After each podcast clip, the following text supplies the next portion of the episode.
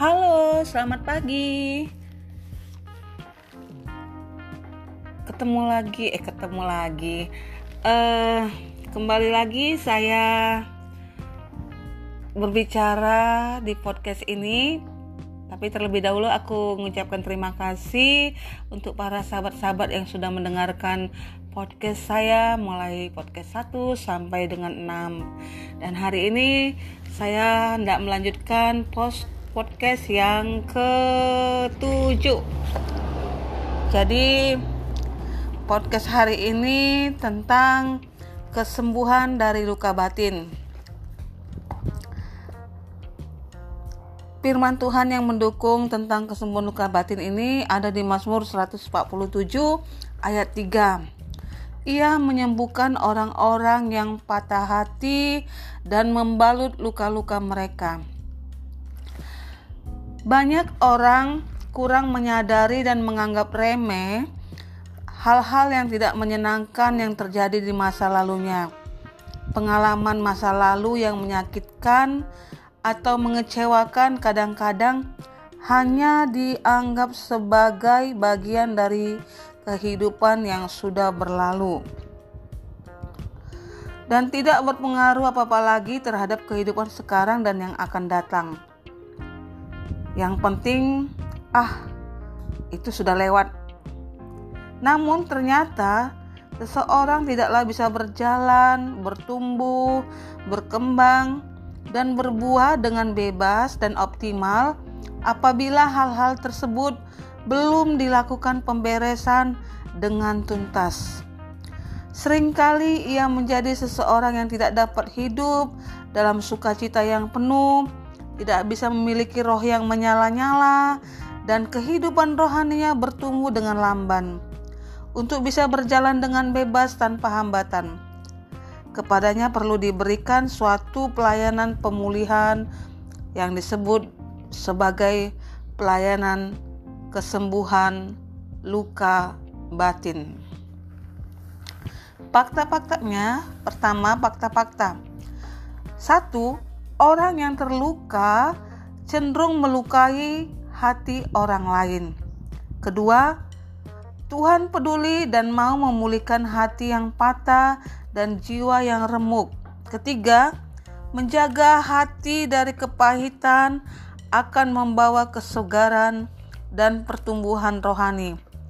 Ayat pendukungnya di Mazmur 34 ayat 19 dan Amsal 4 ayat 3. Kedua, beberapa kebenaran tentang kesembuhan luka batin. Satu, rencana Tuhan adalah untuk memelihara tubuh, jiwa, dan roh kita dengan sempurna. Kedua, roh kita dipulihkan ketika kita menerima Kristus sebagai Tuhan dan Juru Selamat, serta mengundang Roh Kudus masuk ke dalam hati dan hidup kita. Itu ayat pendukungnya di 1 Tesalonika 5 ayat 23 sampai 24 dan Efesus 1 ayat 3. Sahabat-sahabat bisa membukanya di Alkitab. Ketiga, tubuh kita dipulihkan saat mengalami kesembuhan dari kelemahan atau sakit penyakit. Namun pemulihannya yang sempurna adalah ketika diubahkan menjadi tubuh kemuliaan dan diangkat atau rapture untuk menyongsong Tuhan di awan-awan. Keempat, sedangkan jiwa kita bisa mengalami luka, patah, hancur, kecewa yang dapat dipulihkan melalui pelayanan kesembuhan luka batin. Itu terdapat di 1 Korintus 15 ayat 51 sampai 52. Selanjutnya sahabat-sahabat, kita akan melihat bagian ketiga. Akibat mengalami luka batin, apa aja sih akibatnya? Berbagai pengaruh dan akibat negatif muncul dalam kehidupan orang-orang yang mengalami luka batin. Antara lain, satu, gejala fisik. A. Menimbulkan berbagai macam penyakit seperti darah tinggi, migrain, bahkan kanker. B kalau A tadi itu ayat pendukungnya Amsal 14 ayat 30. Kalau B wajah menjadi muram, tidak berseri, cepat tua, dan lain-lain. Amsal 15 ayat 13a. Kedua, akibat mengalami luka batin itu gejala kejiwaan. Tadi pertama gejala fisik, kedua gejala kejiwaan. Gejala kejiwaannya gimana? A. Menjadi rendah diri atau sebaliknya sebagai kompensasi menjadi orang yang tinggi hati, pembual, melecehkan dan suka menghina orang lain. Itu gejala kejiwaannya. B. Patah semangat, frustasi, dingin. C. Menjadi orang yang tertutup, egois, dan menyendiri. D. Trauma atau ketakutan yang berlebihan, terutama untuk hal-hal tertentu. E emosi yang labil, terlalu sensitif, mudah tersinggung. F.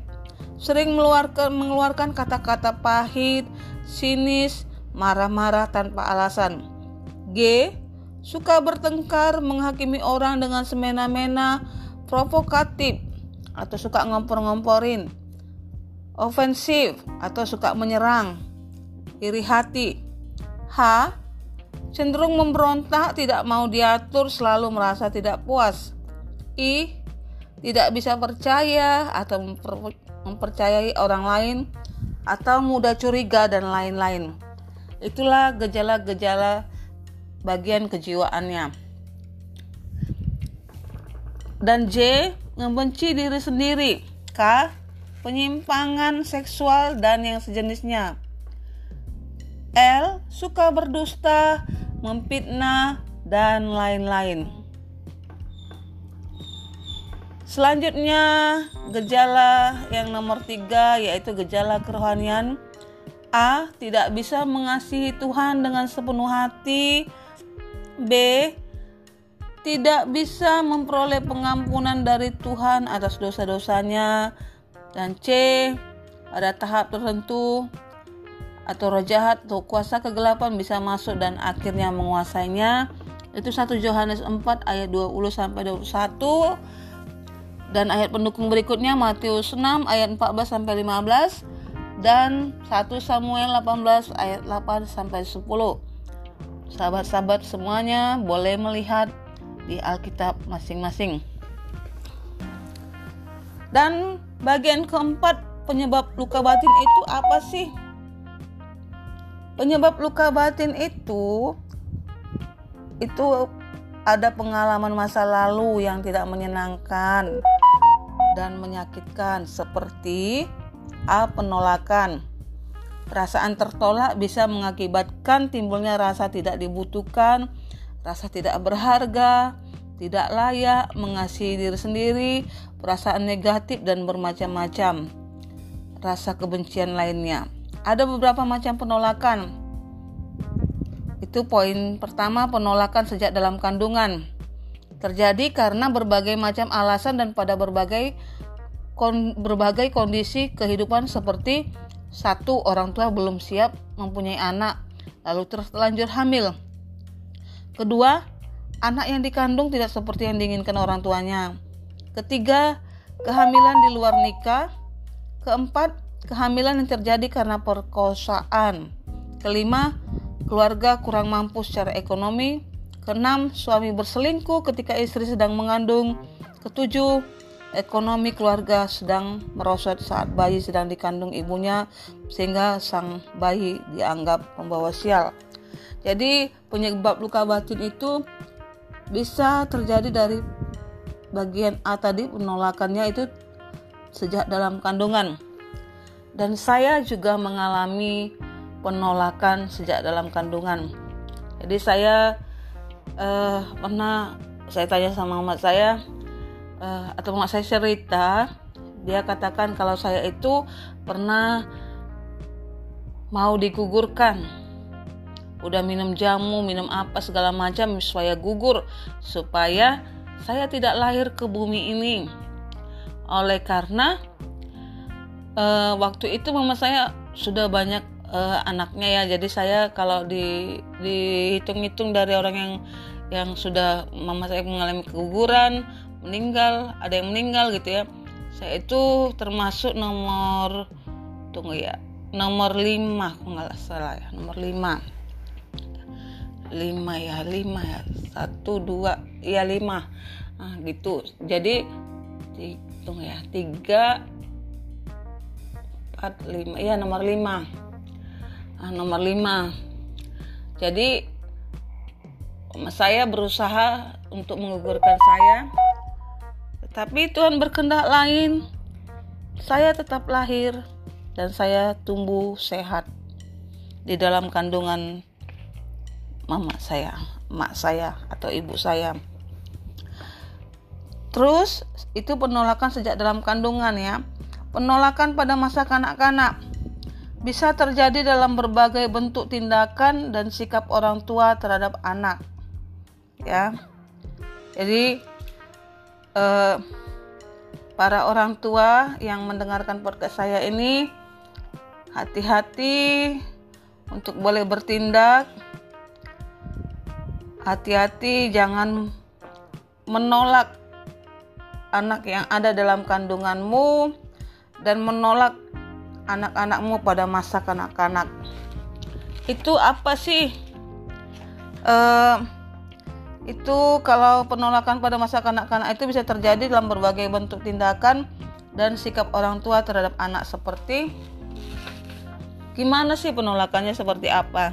Satu selalu dipersalahkan, kedua diperlakukan tidak adil, ketiga dibedakan dari saudara-saudara yang lain, Keempat, selalu direndahkan atau diremehkan. Kelima, dilarang mengutarakan pendapat karena dianggap anak kecil. Kita bisa cek and recheck pribadi kita masing-masing apakah kita pernah mengalami penolakan pada masa kanak-kanak. Pasti pernah ya. Apalagi yang selalu dipersalahkan atau misalnya dasar kamu begini nenek nenek gitu ya. Banyak ya dasar kamu anak nggak tahu diri. Dasar kamu uh, kamu tiru dong. Anak tetangga lebih bagus daripada kamu. Ha, seperti itu. Jadi ada banyak hal-hal yang kita mengalami direndahkan atau diremehkan sejak masa kanak-kanak itu bisa mengakibatkan luka batin penyebab luka batin. B. Kurang kasih sayang. Seorang anak kurang mendapat kasih sayang orang tuanya karena kematian orang tuanya. Pertama, kedua, keluarga yang broken home. Ketiga, orang tua yang terlalu sibuk. Keempat, kasih yang tidak merata dalam keluarga. Jadi, kurang kasih sayang bisa mengakibatkan luka batin terhadap seseorang. Poinnya tadi ada empat, kematian orang tuanya, keluarga yang broken home, orang tua yang terlalu sibuk, kasih yang tidak merata dalam keluarga. C. Dilukai oleh orang tua. Satu, orang tua sering ingkar janji. Nah, ternyata ingkar janji juga mengakibatkan bisa mengakibatkan luka batin. Kedua, orang tua tidak bertanggung jawab terhadap keluarganya. Ketiga, ayah yang sering menganiaya istri di depan anak-anaknya. Jadi ini yang ayah yang sering menganiaya istri di depan anak-anaknya itu dapat menyebabkan anak-anaknya mengalami luka batin. Makanya sebaiknya kalau ayah dan ibu ada pertengkaran, perselisihan, hendaknya jangan menganiaya ataupun berantam jangan sampai dia menganiaya istrinya atau berantem di depan anak-anaknya. Jadi selesaikan dengan baik. Keempat orang tua terlalu keras dalam mendidik atau sadis atau otoriter jadi ini bisa mengalami ya, bisa dialami oleh anak-anak mengalami luka batin kalau orang tuanya terlalu keras mendidik, sadis, otoriter ya. Itu kejam lah sama anaknya. Itu bisa mengakibatkan luka batin. D. Pernah dikhianati. Pengkhianatan pengkhianatan yang dilakukan oleh orang-orang terdekat atau orang yang dikasih atau oleh orang yang dipercaya akan menimbulkan perasaan luka yang dalam. Misalnya oleh suami atau istri, saudara, teman dekat, pacar, tiga mitra kerja, rekan sepelayanan, orang yang ditolong atau dibantu, atau kelima orang yang dibantu, dihormati yaitu atasan, guru, pelatih, pembimbing dan lain-lain. Dan enam orang yang dikagumi atau idola. Jadi selain daripada orang tua yang bisa menyebabkan luka batin, itu orang-orang yang mitra kerja ataupun rekan pelayanan ataupun saudara, teman dekat itu bisa juga menyebabkan kita mengalami luka batin. F. Trauma masa lalu. Trauma ini bisa dipergunakan oleh si jahat untuk terus melukai dan mengganggu atau merusak batin atau jiwa seseorang seperti trauma pelecehan seksual pertama, kedua trauma kecelakaan, ketiga trauma kerusuhan, keempat atau keempat itu trauma dengan tempat gelap. Jadi bagian F-nya penyebab luka batin itu dari trauma masa lalu juga bisa menjadikan orang mengalami luka batin. Kedua, perkataan yang menyakitkan. Tadi yang pertama tadi uh, itu tentang pengalaman yang menyakitkan ya, penyebab luka batin.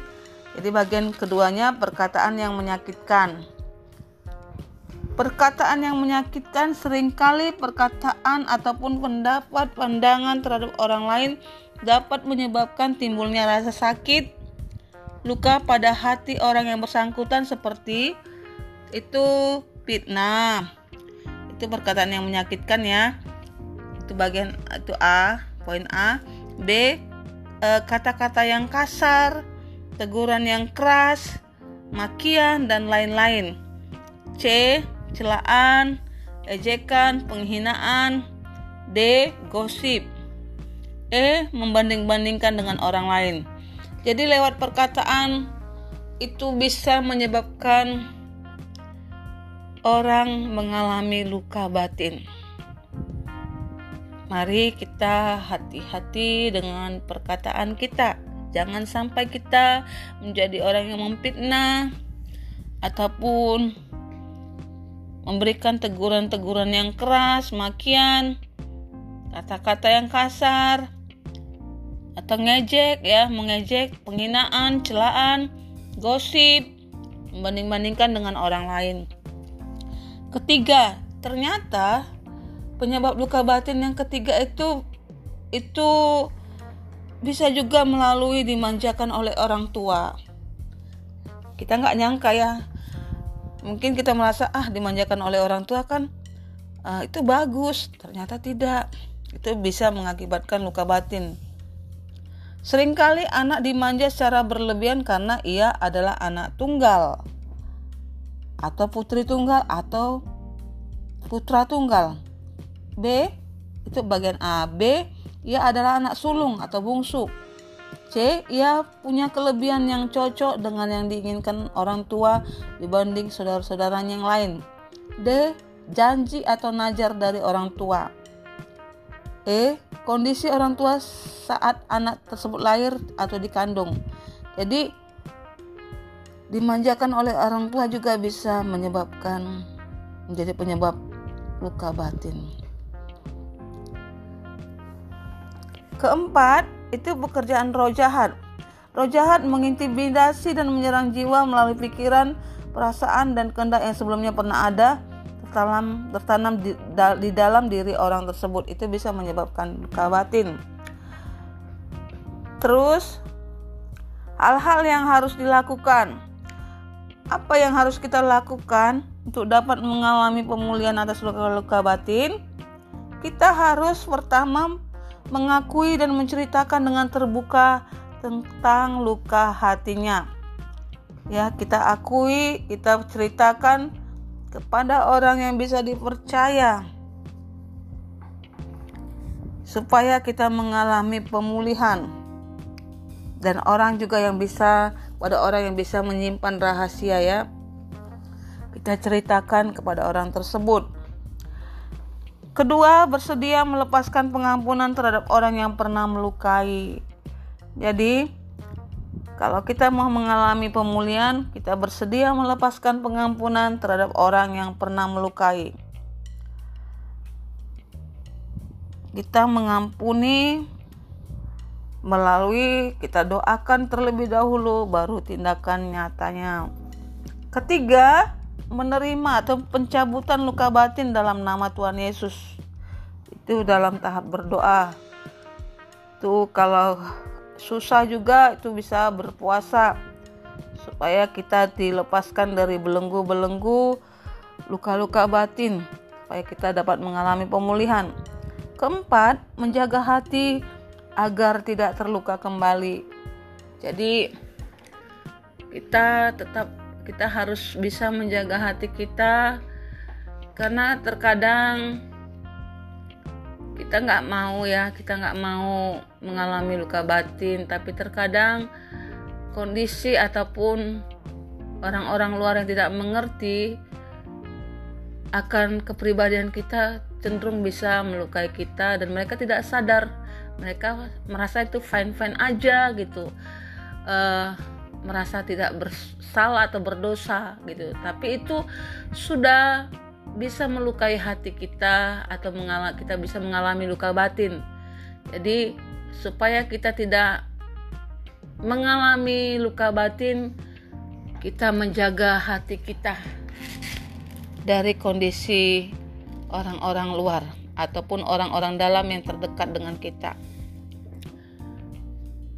Dan selanjutnya, hidup dalam kemerdekaan. Orang percaya perlu menjaga dan memelihara kemerdekaan yang telah diperolehnya dengan pertama menutup lembaran lama dan membuka lembaran baru. Itu bisa dibuka di Filipi 3 ayat 13b. Kedua, hidup dalam firman Tuhan. Itu bisa dibuka di dalam firman Tuhan Yohanes 8 ayat 31. Ketiga, penuh dengan Roh Kudus. Itu Roma 8 ayat 2 dan 13. Keempat sekali mengampuni tetap mengampuni Galatia 5 ayat 16 sampai 18. Jadi itu yang saya bisa sharekan bagikan tentang topik kita hari ini tentang luka batin ya semoga kita bisa mengalami pemulihan, kita tahu celahnya di mana, jadi kita bisa menghindari, kita bisa menjaga hati kita, kita bisa melepaskan pengampunan, kita bisa berdoa, dan kalau dan kalau kita menjumpai orang-orang yang luka batin, jangan pernah menolak mereka. Kalau kita sudah sembuh dari luka batin kita, kita jangan pernah menolak orang-orang yang mengalami masalah di dalam bidang ini. Tapi kita harus bantu mereka dengan mereka harus bisa dicintai, diterima, dan dihargai. Supaya orang-orang yang mengalami luka batin boleh sembuh seperti yang kita alami. Itu saja yang mau saya bagikan. Semoga kita bisa mengalami kesembuhan dari luka batin karena ini sangat kalau tidak disembuhkan sangat berefek fatal. Kita cenderung bisa melukai orang lain dengan kata-kata kita. Kita cenderung nggak bisa percaya dengan orang lain kita nggak bisa maksimal dalam pergaulan kita. Karena kita curiga dengan orang lain kita nggak mau dilukai. Jadi solusinya yaitu kita harus mengalami pemulihan. Siapa pun mungkin pernah mengalami yang namanya luka batin. Kalau di CN recheck dari berbag dari beberapa yang saya paparkan tadi, saya jelaskan tadi penyebab-penyebabnya pasti ada. Gak pernah ada orang gak pernah mengalami luka batin. Tapi kalau luka batin itu dibiarkan aja, itu nggak mengalami kesembuhan. Jadi itu harus disembuhkan seperti tadi ada tahap-tahapnya kepada siapa kita menceritakannya kepada siapa kita uh, untuk minta tolong kalau misalnya kita nggak mampu untuk boleh mengalami atau melepaskan luka-luka tersebut.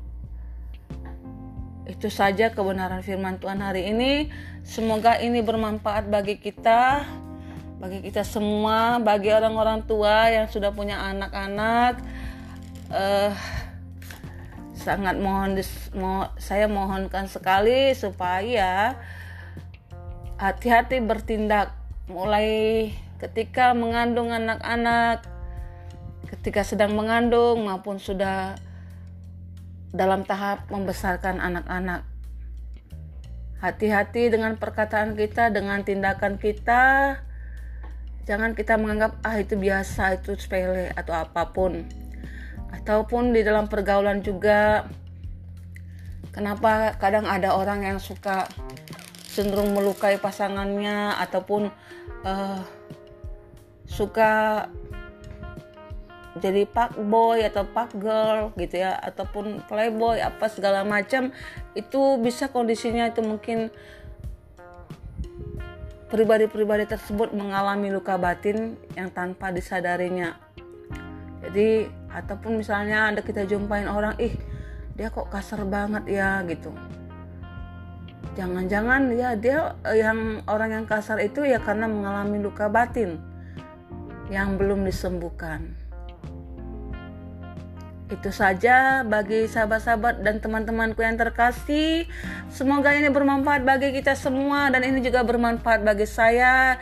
Saya juga terus minta pemulihan dari Tuhan supaya saya bisa menjaga hati saya dan tetap menjadi orang-orang yang berguna dan Kalaupun saya jumpain orang-orang yang mengalami luka batin, saya bersedia untuk boleh berdoa untuk mereka, berbagi kehidupan supaya mereka juga boleh mengalami kesembuhan batin seperti yang saya alami. Terima kasih untuk hari ini. Selamat hari Minggu. Tuhan Yesus memberkati kita semuanya. Amin.